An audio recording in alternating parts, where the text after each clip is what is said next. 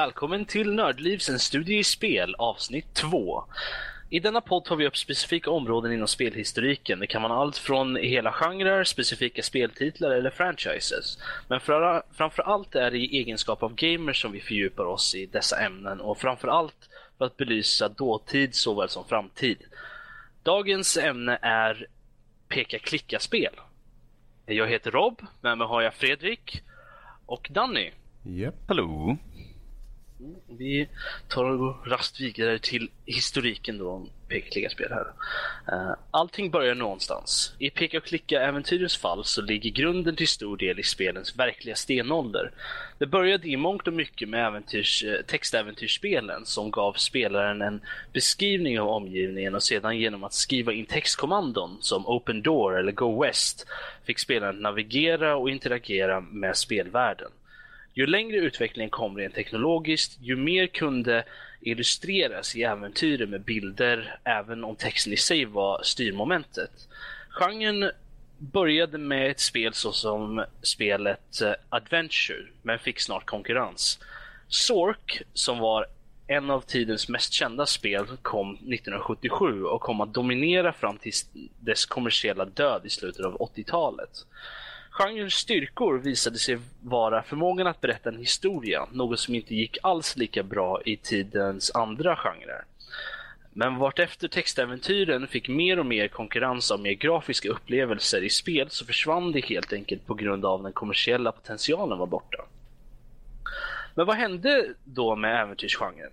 Jo, den fick nytt, eh, ändå nytt liv i början av 80-talet på grund av experimenten med att kombinera text och grafik.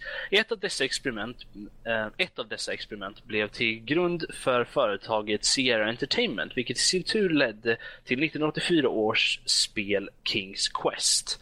Till skillnad från textäventyren styrde man här hjältens rörelse med piltangenterna istället för med kommandon och grafiken var i tredjepersonsperspektiv.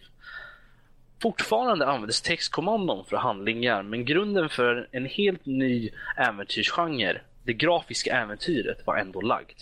Kings Quest blev en succé som borgade för uppföljare. 1998 släpptes del 8 och det expanderade Sierra Eh, påbörjade även flera andra serier som till exempel Space Quest, 6 spel 1986 till 1995, Police Quest, 4 spel 1987 till 1993, Lesser Sweet Larry, eh, 7 spel 1987 till 2004 och Quest for Glory, 5 spel 1989 till 1998. Nästa steg i äventyrsgenren var datormusen som helt avskaffade nödvändigheten i att ha textkommandon. Detta skedde främst på grund av Ron Gilbert och spelet Maniac Mansion och dess teknik. Script Creation Utility for Maniac Mansion, eller mer känt som SCUM. Detta skedde 1987 och blev grunden till det som idag kan ses som peka och klicka-äventyrens guldålder. För med hjälp av musen kunde all navigering ske och dessutom kunde man nu interagera med ingående, mer ingående med föremål eller personer utöver de 15 kommandon som fanns i nedre delen av skärmen. På de efterkommande tio åren finslipades genren till att vara en av de mest populära genrer i datorspelsbranschen. Under dessa år så producerade Gilbert två, eh, 12 peka-klicka-äventyr och satte hela tiden en ny standard för hur spelgenren skulle vara utformad. Den kanske mest uppskattade spelserien i genren Monkey Island var även den signerad John Gilbert. Antalet kommandon krympte och försvann sedan helt. Peka-klicka-genren började dö i slutet av 1990-talet när 3D-grafiken tog över på allvar. LucasArts drog själva sitt strå till stacken med Grim Fandango där den polygonuppbyggda protagonisten styrdes med piltangenterna eller med en styrspak eller handkontroll. Många nya spel i picka-klicka-genren efter 2000 övergick till piltangenter istället för den klassiska muspekaren, då de flesta var i komplett 3D-miljö. Klamrandet för att hänga med den nya tekniken samt mycket fler spelgenrer på PC Eh, hade en väldigt negativ impact på peka-klicka-genren och mot mitten av 2000 så var de i stort sett borta från mainstream-marknaden. Lyckligtvis så levde de vidare i indiescenen och även om de inte var på kartan för majoriteten av spelare så fanns det tillräckligt med lojala fans för att genren skulle trycka på. I och med att Wii och tablets blivit allt vanligare så har peka och klicka-spelen kommit tillbaka in i publika medvetandet. Även om peka och klicka-spelen aldrig riktigt har försvunnit och kommer nog aldrig göra det så är deras storhetstid förbi. Men man kan aldrig ta ifrån historiken och betydelsen som peka och klicka-genren har haft på spelcommunityn. Uh, eh, Q applås och så går vi vidare. um, då kommer vi till uh, det riktiga köttet av den här, det här avsnittet då, diskussionen. Um, Fredrik, mm. Eh, kan du ta och eh, berätta lite om, om de spel som du har spelat inom peka-klicka-genren? Mm. Ja, jag har ju varit med länge vad gäller just peka-klicka-genren och man eh, såg ju många tidiga spel på 80-talet på till exempel Commodore och, och även Amigan då. Men det var väl egentligen först och främst med uh, Escape from Monkey Island som, som det verkligen tog fart för min del. Um, uh, det förde in komiken på ett sätt som eh, inte jag hade upplevt tidigare. Och uh, i och med det system, alltså skam där, så var det verkligen en väl etablerad sätt att spela också. Som, som passade som handen i handsken verkligen. Sen så var det väl det att eh, det kom efter det liksom från Lucas Arts så många bra klassiker som Indiana Jones, The Fate of eh, Atlantis, eh, Legend of Curandia, Sam, Hit, Sam Max Hit the Road med mera, med mera. Eh, som verkligen fortsatte det här goda arvet då. Och det, det, var väl egentligen de här spelen som för min del eh, står främst ut bland spelen som jag upplevde när jag var yngre. Ja. Um, Danny, uh, vilka, va, va, vilka spel tänker du på när det, när det kommer till när någon nämner picka klicka? Uh, ja, som Fredrik säger, Monkey Island är ju är ett spel som snabbt kommer upp i huvudet på direkten. Uh, och uh, det, det, Jag tror att det är väl generellt det mest vanligaste. Sen är det ju för min del så är det Discworld, Sam Max-spelen uh, som snabbt kommer upp när man tänker på det där. Och sen eh, eh, kommer, jag eh, jag bara på de gamla spelen som den här textbaserade, inte riktigt, prequel-spelen som ledde upp till peka och klicka. Uh, de, uh, vad heter den? Maniac Mansion och de spelen. Och sen på Commodore 64, det gamla He-Man-spelet var textbaserat ju. Uh, som är ju föregångarna till det. Det är sånt jag tänker tillbaka på när jag mm. tänker peka och klicka. Ja. Ganska snabbt. Ja, ja nej, jag håller med. Det, um, när det kommer till, dem, till, till uh, peka och klicka-spelen så är, så är det nog Monkey Island som dyker upp först och främst i huvudet på en. Uh, för att den hade ju en så unik känsla när man spelade den.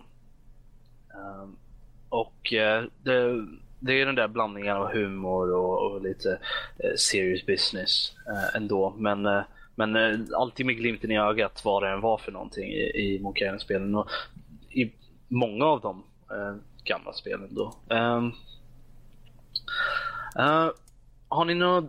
Ja, Fredrik, mm. har du ett, ett specifikt minne som du associerar med, med peka-klicka-spelen som du kan dela med dig? Ja, Alltså det, det, det, är klart det finns många minnen egentligen när man tänker efter. Men det, det är väl främst eh, just i samband med Monkey Island då som ett särskilt minne kommer upp. Och det är just hur jag på eh, somrarna när jag var yngre då, när man hade sommarlov fick möjligheten att ta med sig, i det här fallet var det min Amiga 500 upp till vår sommarstuga som ligger uppe i, i eh, nära ett samhälle som heter eh, Hällefors. Eh, Eh, där har vi en liten stuga precis vid sjön och ehm, att då på kvällar när det kanske regnade ute och, och det kanske inte var så fint väder att gå ut och, och umgås direkt så just det här med att man kunde slänga igång Amigan på tvn och sitta där och mysa framför Monkey Island och eh, Guy,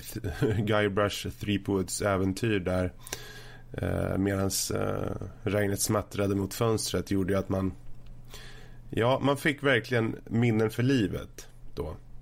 Och det är ju som sagt det, det är ett av minnena som kommer eh, främst till hands när jag tänker på på just det här med minnen angående den här typen av genre då. Ja, det låter mysigt. Uh, Danny, har du mm. något, något specifikt minne du kan dela, dela med dig om, om dina äventyr med, med PK-spelen? Mina vilda äventyr. Ja, precis. Det var jag och muspekaren och en hel värld av möjligheter. Kanske är en reklamsnutt på det sättet. Sådär. Um, nej, men om uh, ett spel som jag vet att jag har suttit mycket med är ju Sanitarium och uh, det är ett psykologiskt skräck peka klicka spel och uh, det är ju en liten udda stil på det spelet. så det har jag ju kört väldigt mycket. Um, och det är sånt jag tänker på då när man tänker tillbaka på spel man spelat. Det är ju de här som sticker ut lite grann från mainstream peka och klicka spelen kanske. De här som har en liten annan vinkel på det hela. De, de som inte kör den här klassiska LucasArt uh, eh, stilen. Då Sanitarium är inte de som sticker ut lite grann. Uh, som, det, är lite, det är ju 3D-modeller i den dåtidens, det här, det här är ett spel från 98. Um, ehm, och den, den intressanta visuella stilen de har och det var ju tal i spelet också så det är inte bara det här sitta och läsa utan att de läser upp vad som händer och den har ju en, en udda story och uh, den har en liten surrealistisk uh, visuell stil på det hela så det är ett sånt som jag brukar tänka och uh, god lust att spela igen och jag vet ju att det finns att få tag på men ja. Ut, uh, sen finns det såklart Monkey Island, Discworld-spelen eh, och alla de andra goa gamla spelen som man kör till och från. Även i dagens läge. Ja, det är roligt att du säger det med Sanitarium för att um, det är ett av mina tidigaste minnen med PG-klickarspel att se, att se dig spela även fast det inte klickade för mig förrän, förrän du nämnde det uh, att du beskrev spelet så, så uh, har jag alltid undrat vad det var för spel. Men nu, nu när du säger det så, är det, så, så inser jag att det måste ju vara det spelet. Mm. så att, uh, det, det är lite roligt. Men i mitt fall så ett av mina starkaste minnen med, med pick klicka-spelen är nog när, när mor min och jag satt och spelade Monkey Island 1. Eh, min bror, min yngsta bror, han låg och sov i barnvagnen i, eh, i rummet och vi lyssnade på eh, på Fjeld i bakgrunden och vi satt där och försökte lista ut inside sword fighting i Monkey Island 1. Um, ehm, det, det är någonting som jag alltid, det är det minne som alltid dyker upp för mig när jag tänker på peka-klicka-spelen.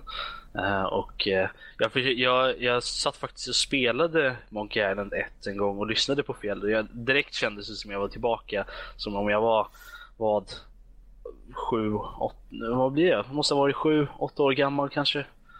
Uh, och satt och spelade det med, med mor min. men ja, Ja, nog med, med eh, nostalgi. Med nostalgiminnen här då. Eh, om, ni skulle, om ni skulle välja ett enda spel ur Klicka Klicka-spelen då som de, kla de klassikerna då, eller klassikerna, ja, vilket, vilket skulle ni välja? Danny?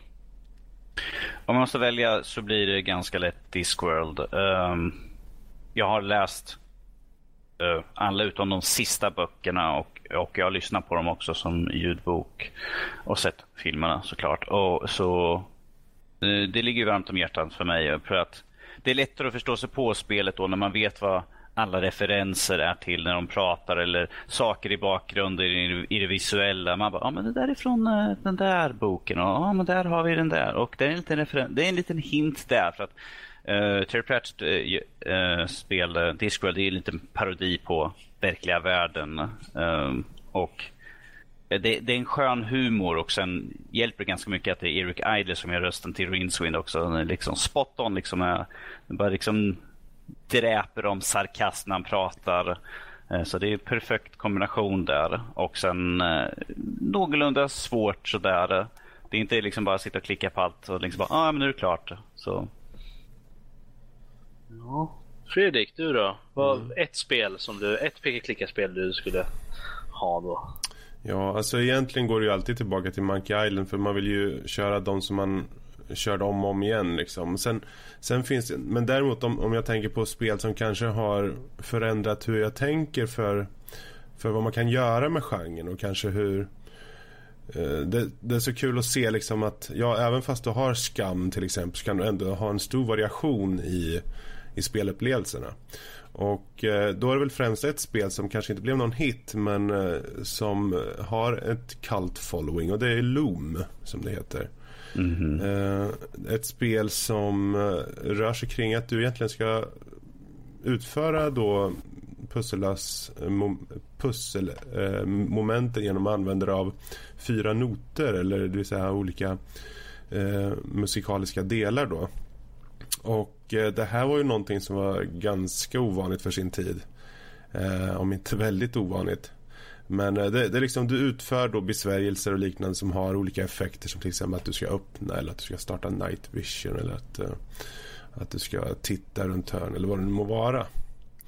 Uh, och det var ett spel som jag varit väldigt så här begeistrad i just för att det var då så annorlunda från de tidigare. Det hade en viss mått av humor men det var ändå i grund och botten ganska allvarsamt och uh, på gränsen till filosofiskt. Um, och det, det, som är intressant med det spelet är också att det var det första spelet från LucasArts som följer deras eh, designfilosofi angående det här med att eh, spelare aldrig kommer att dödas. Eller att du ska tvingas starta om spelet. Och du behöver inte heller spendera timmar med att skriva in synonymer på typ ord tills du snubblar på vad, vad datorn då egentligen menar. Eh, som det var tidigare då textbaserade spel. Eh, ja, slutledningsförmåga. Nu har jag använt allting, nu finns det bara ett kvar. Precis. Måste vara. Utan det var betydligt mer logiskt och det hade ju svårighetsgrader där du till exempel på den högsta nivån enbart gick på gehör. Vilket var ganska intressant, särskilt för de som var musikaliskt intresserade och kanske hade öra för det, vilket jag inte hade. Men eh, det var kul att det ändå fanns. Men det, jag skulle nog säga att Loom är ett spel som uh, står ut i mängden i alla fall. Och sen om jag kanske skulle välja något bara för att ja men nu ska jag spela något då kanske jag egentligen skulle välja Monkey Island men ja, Loom är i alla fall ett bra tips för de som vill få en annorlunda take på uh, peka och klicka äventyrsgenren. Mm. Ja, nej, jag har sett, läst lite om Bloom. och så här. Jag har alltid tänkt så här, ett, ett spel baserat runt musik. Nej, nej, nej. Jag kan inte. Jag är så... Jag är så, så Sen är det egentligen fyra liksom, toner på det bara. Så det jo, nej, men jag, jag, kan inte. Jag, jag har extremt svårt med, med att höra skillnad på toner och sånt mm. där och veta vart de ska någonstans och sådana grejer. Så att, eh, men, ja. Mm. Uh, men ja, nej, i mitt fall så måste det nog nästan vara Monkey Island 3, tror jag. Uh, Curse of Monkey Island. Det, det ligger nära mitt hjärta då det var det, det, var det första pek-klicka-spelet som jag spelade själv. Uh, och, och klarade av själv då alltså. Uh, men Monkey Island 2 där är, är en stark tvåa tror jag. Det, det är någonting som jag... Monkey Island 2 är en sådär... De tog allting från ettan och gjorde det bättre. Mm. Uh, så att, uh, och allting är, allting är bättre, allting är roligare. Det är bättre uppbyggt. Det är mm. bara bättre helt enkelt. så att, uh, ja, nej, det, det är de som jag känner i alla fall är, är de som är speciella där. Mm. ja, om vi går vidare lite då. vad, vilka, vilka spel inom, inom PV-klicka-genren då uh, tycker ni har haft mest impact på resten av, av, uh, av den, den genren då? Jag, jag tog lite det i, i, i historiken, där har man ju de som, som verkligen startade. Ron Gilbert liksom, han kom ju där med Maniac Mansion och Scum liksom. Att, att det, det hade ju en väldigt stor impact på det. Men känner ni att det är några andra um, som också har haft en väldigt stor impact som man kanske överser? Fredrik? Ja, det, det gäller ju att vara, in, eh, vara eh, insatt i just alla spel som har släppts då och veta lite hur det låg till när det begav sig. Men eh, jag kan tänka mig att ett väldigt tidigt exempel är Indiana Jones and the Last Crusade som kom 89. Det var en av de första spelen som tog itu med Scum Engine fullt ut. Och när de hade då tillsammans med eh, filmlicensen då eh, gjorde att det blev ett väldigt bra spel. Eh, förvånansvärt bra för att faktiskt vara eh, efter en licens. Vilket idag är nästintill extremt ovanligt att se. Eh, men det är väl just den här att de påbörjade sin resa där, Lucas Arts. Eh, och sen att de gjorde Fate of Atlantis som var en egen historia eh, gjorde ju att de verkligen kunde sätta pricken över i på vad som gjorde genren så bra. Men jag tror att just Indiana Jones and the Last Crusade var en av startpunkterna i alla fall. Ja, jag tittar faktiskt på screenshots här från, från Last Crusade. Jag. Mm. Och den har ju definitivt...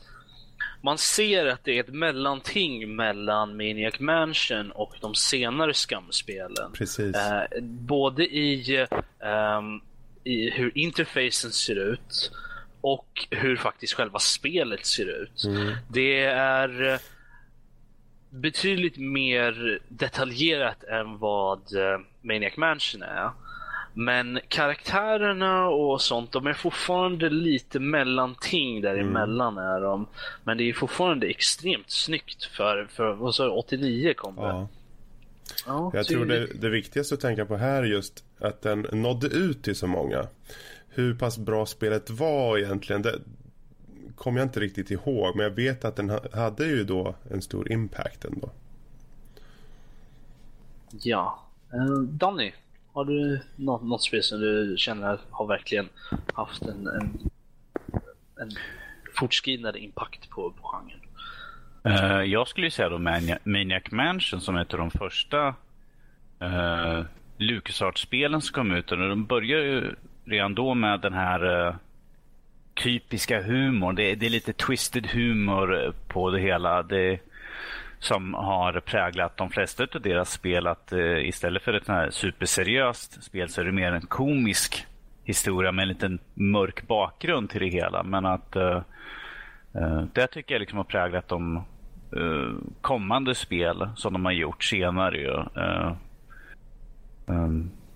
de, Um, som Day the Tentacle som kom senare, sex år senare efter att det kom ut. Men att eh, det är den här humorn som de började med där tycker jag har gjort att har blivit, de har blivit så framgångsfulla. För att eh, spel ska vara kul att spela. Det ska inte vara man ska inte sitta så här, nu ska vi vara superlogiska, vi måste vara superseriösa. Det ska vara med glimten i ögat så, här, så, att man har någonting att skratta till. Även fast det kan vara en, en simpel sak. Eh, när, de, när de hittar saker till exempel. Liksom, det, en, en, en sån här kommentar bara som man bara, oh, okej. Okay.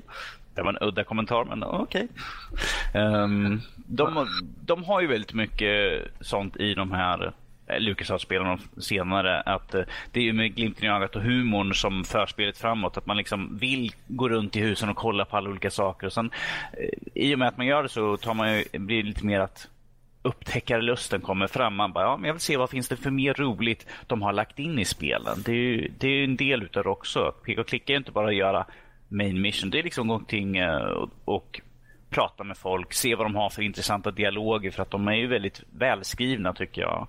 Ja, eh, så att det är ju någonting som jag ser att det har ju kommit fram mycket i resterande spelen. Att de såg att det här är ett bra sätt att föra storyn vidare och att det gör att folk uppskattar spelen på mer än ett sätt bara. Mm. Ja.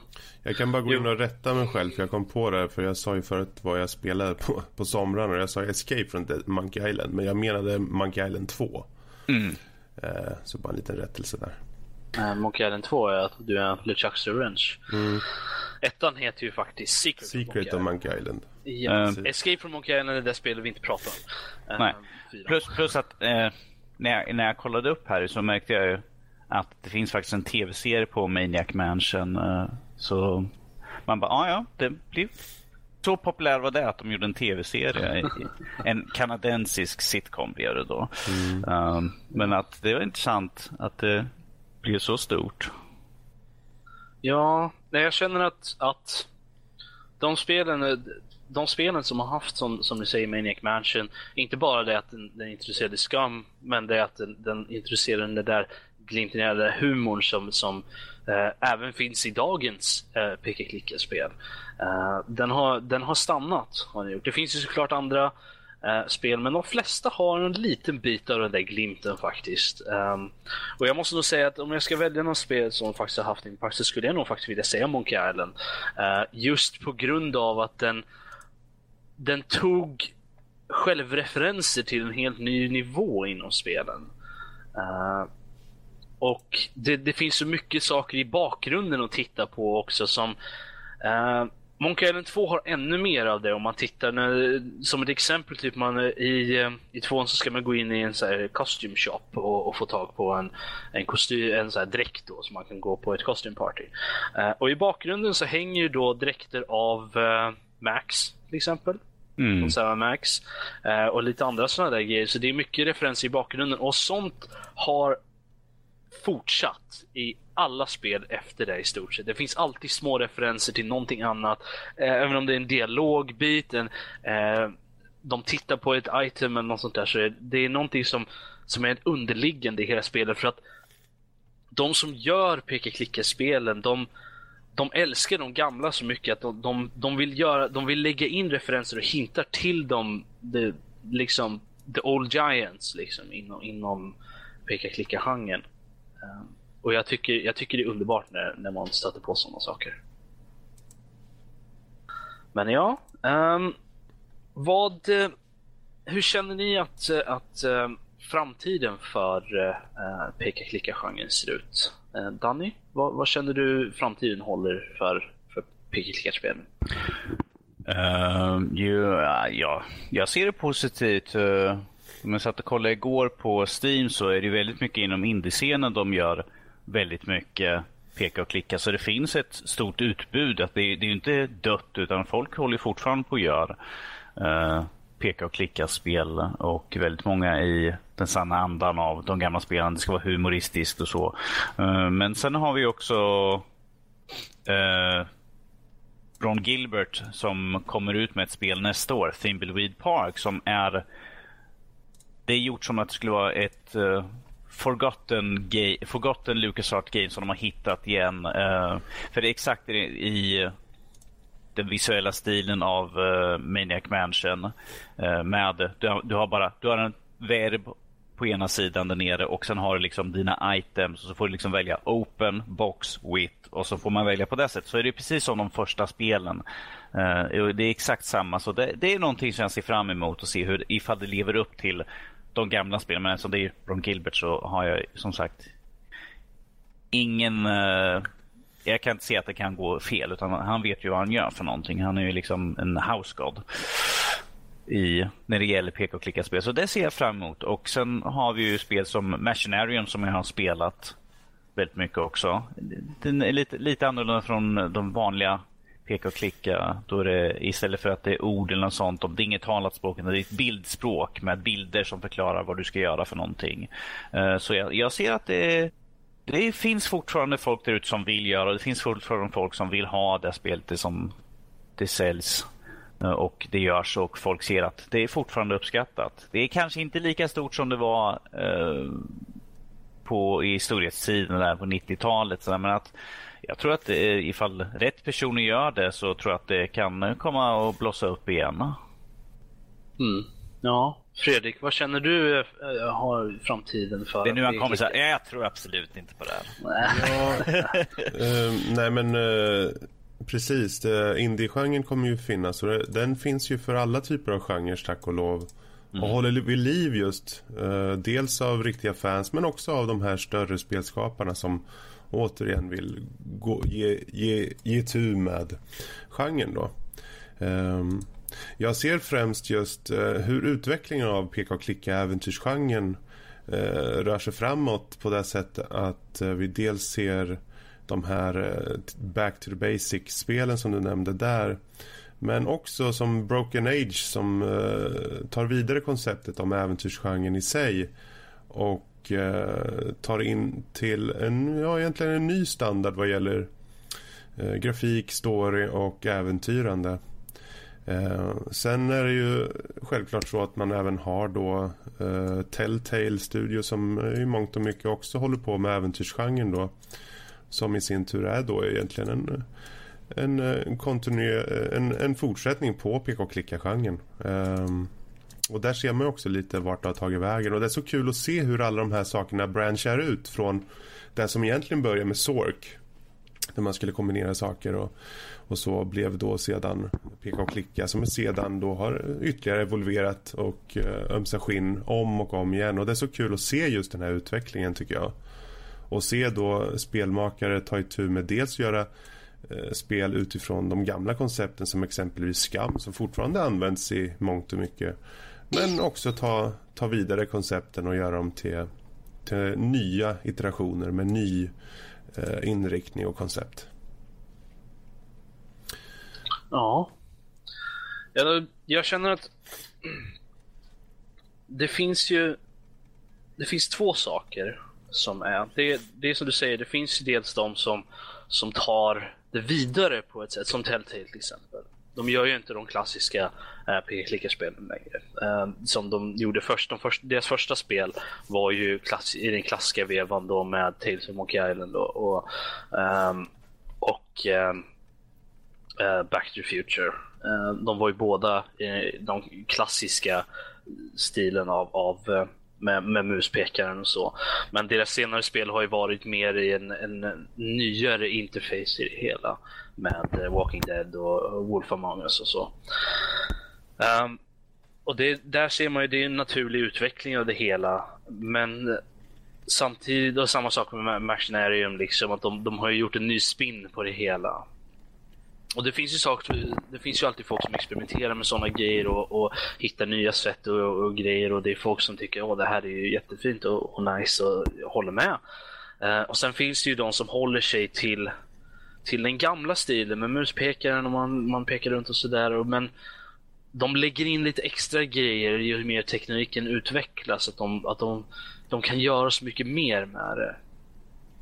Och det finns ju väldigt bra exempel där som till exempel ja, men som The Book of Unwritten Tales som jag, eh, som jag spelat och även eh, Broken Sword 5 eh, som då går tillbaka till att jag har då eh, den gamla interfacen då med, med, pekare, med muspekaren då.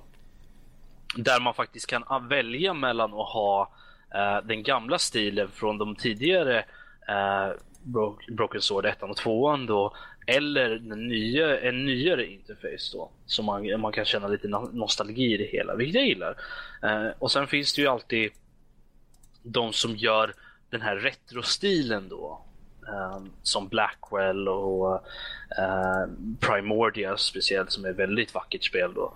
Eh, där de använder sig av, av Adventure Game Studios, eh, vilket är ett, ett, ett eh, spelskapartool då som, hjäl som hjälper dig eh, koda och bygga då eh, traditionella eh, peka-klicka-spel. Och det har ju funnits väldigt länge och under de senaste tio åren eller så, så har det ju kommit eh, rätt många sådana. Eh, Gemini Rue är ett till exempel, det var ett väldigt stort spel. Eh, och det är ju det att du har ju du har ju möjligheten av dagens teknologi och du blandar det med dåtidens eh, grafiska och interfaceval då. Vilket, vilket gör att du får en, en perfekt blandning av retro och nymodighet i ett. Och jag älskar det, det gör jag definitivt. Och jag känner att i och med att om man tittar på Timberwee Park, liksom, det finns ju marknad för och folk är ju väldigt eh, exalterade över, att, över det Liksom. Så att, eh, det är såklart att det finns en marknad för det. Och så länge det finns en marknad för, för spelen så kommer de fortsätta göra så. Indiescenen är ju jättestor som, som Danny sa, den är jättestor för, uh, för pick-klicka-spelen faktiskt. Så att, uh, ja, men det, jag, jag, känner att jag är optimistisk för framtiden i alla fall när det kommer till pick-klicka-spelen. De kommer fortsätta Folk kommer fortsätta göra de klassikerna, men det kommer även utvecklas, vilket det alltid behövs. Ja. Um, har ni uh, något att tillägga angående peka klickarspelen? Uh, någonting som ni absolut känner att ni måste säga? Eh, uh, Danny? Dan, uh, ja, jag vet att det är en fråga som vi inte tagit upp ännu, men spel. Om man ska börja spela peka klicka-spel, så vilket man ska välja ja. först. Och eh, då har jag såklart säga Monkey Island 1. Eh, klart och enkelt. Uh, jag, Din fuling. Din fuling, precis. För det som jag har nämnt att uh, det är liksom ett av de är ute de större spelen folk som alla associerar liksom med peka och klicka. Plus att de nya som kom ut, eh, Monkey Island Special Edition och den här Bundle Packen med ettan och tvåan. Eh, är ju då, dels då för att ifall man ska börja så får man Basic. Det är ganska enkelt. Det är lätt att komma in i spelet. Humorn finns där så att man, det är inte tråkigt och så. Plus att det finns ju den här uppdaterade Enhanced Edition där de har liksom gjort snyggare med röstskådespeleri också. Så man kan ju byta över emellan så att man får en liten historik också. Att så här var det när spelet kom ut och här är vad vi är i dagens läge mer eller mindre. Så att jag tycker det är en bra introduktion för att då kan man få humor, historik och liksom spelglädje allt i ett stort fint paket. Så det tycker jag är ett bra spel när man ska börja med. Um, det, för jag tycker att vi borde ha fler att de borde komma ut med fler gamla spel i den här interaktionen liksom med en enhanced edition till. För att, mm. nog, för att, nog för att jag troligtvis skulle bara sitta i den gamla. Men att man skulle, man skulle väl gå över och bara kika liksom så här, ja det ser väl snyggt och fint ut med att jag är lite old school så jag tycker om Eftersom det är det här vi växte upp med så att man är mer van att se det gamla pixliga stuket och liksom sitta och läsa text. Något som jag känner vore väldigt nice med de här Hands Edition med, med Monkey Island det är att man kunde behålla röstskådespeleriet i den gamla Wien. Det gör den ju inte. Nej. Uh, vilket jag gillar, för jag gillar faktiskt den personen som de valde att ha uh, som Guybrush. Han gör ett väldigt bra jobb och det är Guybrush liksom. Mm, ja, men han gör ju röst för alla spel. Ja, så att jag, jag skulle jättegärna ha så att, uh, så att man kunde ha rösten i, i retroversionen så att säga. Mm. så det vore väldigt nice. Men ja, nej, jag förstår. Fredrik, rekommendera ett spel som är, skulle passa väldigt bra för nybörjare inom, inom p-klicka-genren. Nu tog jag Island så är det kört. Ja, då skulle jag nog faktiskt bryta ut uh, och ta... Jag står lite mellan två olika spel ärligt talat och det är så svårt att välja. Och det, säg, det... säg, säg vilka de är så får vi se. Det är antingen The Dig eller så är det Blade Runner. Uh, oh, och uh, Båda är ju lite av andra sidan av myntet till skillnad från Monkey Island då. Just att den här har betydligt mer allvarsam ton. Du har The Dig som är utspelar sig ute i rymden eh, eh, på en främmande planet om jag inte minns helt fel. Och ja. eh, mm. där har du eh, än en gång bra röstskådespelare från start då.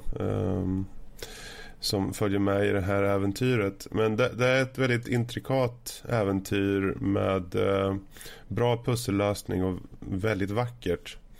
Eh, sen å andra sidan har du ju Blade Runner från 97 som kom lite i slutet av peka och klicka-äventyrens eh, eh, guldålder där. Och det tar till fasta just på allt det här som har gjort peka och klicka-genren så bra. Med att eh, kombinera saker, men att göra det på ett eh, fiffigt och framförallt eh, snyggt sätt. Eh, och sen tillsammans med en väldigt, väldigt bra eh, estetik och eh, eh, spelmoment gör att det också är ett jättebra spel att eh, börja med. Det är två rekommendationer från min sida. Börja med helt mm. enkelt. Det ligger mm. mer klassiskt och The Blade Runner är lite om man vill komma vidare lite i genren. Ja, Um, jag tänker fuska lite med min rekommendation här. för um, Som först och främst vill jag rekommendera då Broken Sword 1.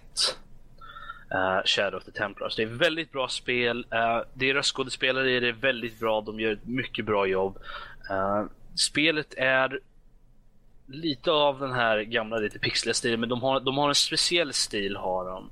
Eh, det, det, är lite mer avancerat i, i, den grafiska stilen än vad uh, Monkey Island 2 till exempel är. Det är fortfarande den här pixliga grejen, men de, de, ser mer ut som människor här gör de. Och eh, bakgrunder och alla miljöer är, är underbart eh, ritade och fin, väldigt fint. Och storyn är väldigt intressant, karaktärerna är tredimensionella rent metaforiskt sett. Och det, det, är ett väldigt underbart spel. Det är lite, pusslerna är väldigt logiska i det spelet. Um, det, det, är inte så, det är inte många sådana här pussel som i Monkey Island där man ska kombinera två olika saker som makes no sense egentligen. Uh, utan där får man ju faktiskt göra trial and error bara. Ja, okej, okay, jag kombinerar den här rubber chicken med en pulley liksom. Okej, okay, ja, det, det funkar ju. Um, men här är det lite mer logiskt sett vad, vad man, för att det är lite mer, det, det är alltså ett, ett film noir i spelform är det. Uh, och ja, så vitt jag vet så är det ett av de första som faktiskt gjorde det uh, ordentligt. Uh, och det är Pusslen är bra. Det, det, är så att du kan hamna i ställen där du dör i spelet och du får starta om just den biten. Men jag tror inte man kan hamna någonstans där man, där man är, har målat in sitt hörn direkt där du inte kan komma vidare för du råkar gjort någonting. Uh, jag, jag, tror inte man kan göra så i alla fall. Jag har inte stött på det själv. Uh, min andra rekommendation är lite på det modernare spektrumet. Jag känner, nu har vi pratat, det, det är mest klassikerna vi, vi har pratat om nu uh, mm. som rekommendationer här. Men The Book of Unwritten Tales. Uh, det är en väldigt bra ställe att börja faktiskt. Uh, den förklarar liksom vad du gör. Det är mycket tongue in cheek, humor, lite så. så det, uh, det är ganska episkt också. Det är fantasyäventyr. Um, så att det, den har allting och den är lätt att komma in i. Man, man börjar fatta liksom, pusslen kan vara lite svåra ibland men men de är inte så svåra att du fastnar i, i miljoner år och du blir jättefrustrerad. Efter ett tag så listar du ut, ah, det var så jag skulle göra. Uh, så att, eh, och röstskådespeleriet är väldigt bra också i den. Um, och uh, som sagt, det är väldigt fint spel också.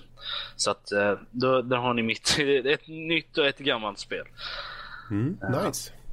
Ja, jag tror att jag tror faktiskt vi är klara här. Mm. Jag, känner att, jag känner att vi har sagt det mesta. Uh, och som sagt, är det någonting som ni känner att vi har missat så är det bara att mejla in till oss på info nordlivpodcast.se.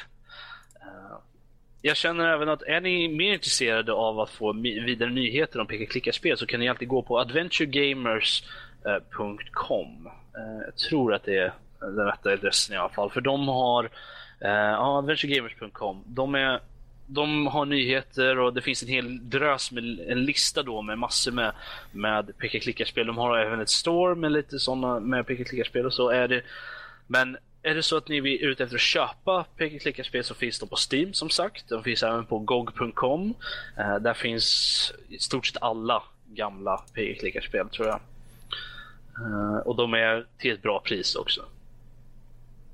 Uh, men uh, jag tror vi får ta och eh, avsluta för oss här. Uh, besök oss på vår hemsida www.nordlivpodcast.se. Där finns länkar till all media ni behöver för att lättare lyssna på oss, uh, vare sig det är podcast eller så. Ehm, um, det är iTunes, Youtube, Steam, Facebook, alla sådana där grejer.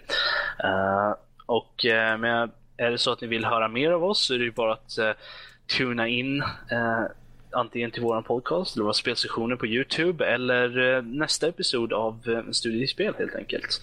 Uh, och ja. Ja, det är värt att nämna också att på lördagar vid cirka nio tiden så ta gärna hoppa in på Twitchen och lyssna på vår podcast Nördliv live så kan ni delta och eh, ta del av vår eh, podcastsändning. Ja, och vill ni som sagt dela med er av uh, lite av antingen skicka in vad ni vill att nästa eh, studiespel eller ett, ett studiespelavsnitt ska handla om. Det kan vara vad som helst inom spelvärlden. Eh, eh, så eller om ni har några frågeställningar till oss eller uh, att ni vill helt enkelt bara tala om för oss att vad, vad, vad duktiga vi är, vad bäst vi är helt enkelt. Uh, så är det bara att ni mejlar in till oss då på info.nordlivpodcast.se och är det så att ni vill nå mig direkt uh, skicka, ni får gärna skicka in till mig och säga vad, vilka era favorit uh, uh, pk-klickarspel är så är det robert.nordlivpodcast.se Men ja, jag tror att uh, med det så säger vi hej då för den här gången. Mm. Hej då.